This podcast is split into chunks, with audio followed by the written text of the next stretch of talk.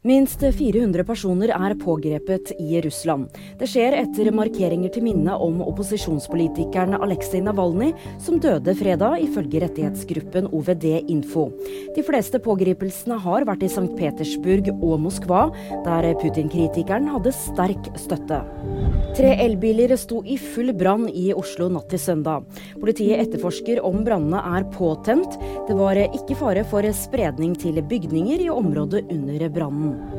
Donald Trump lanserte egne sneakers på skomesse. Det skjer dagen etter at han fikk en bod på 3,7 milliarder kroner av en dommer i New York. Et av skoparene er gullfarget med en T inngravert på siden og det amerikanske flagget rundt ankelen. Og prislappen er på rundt 4200 kroner. Mer om denne saken og flere nyheter finner du alltid på VG.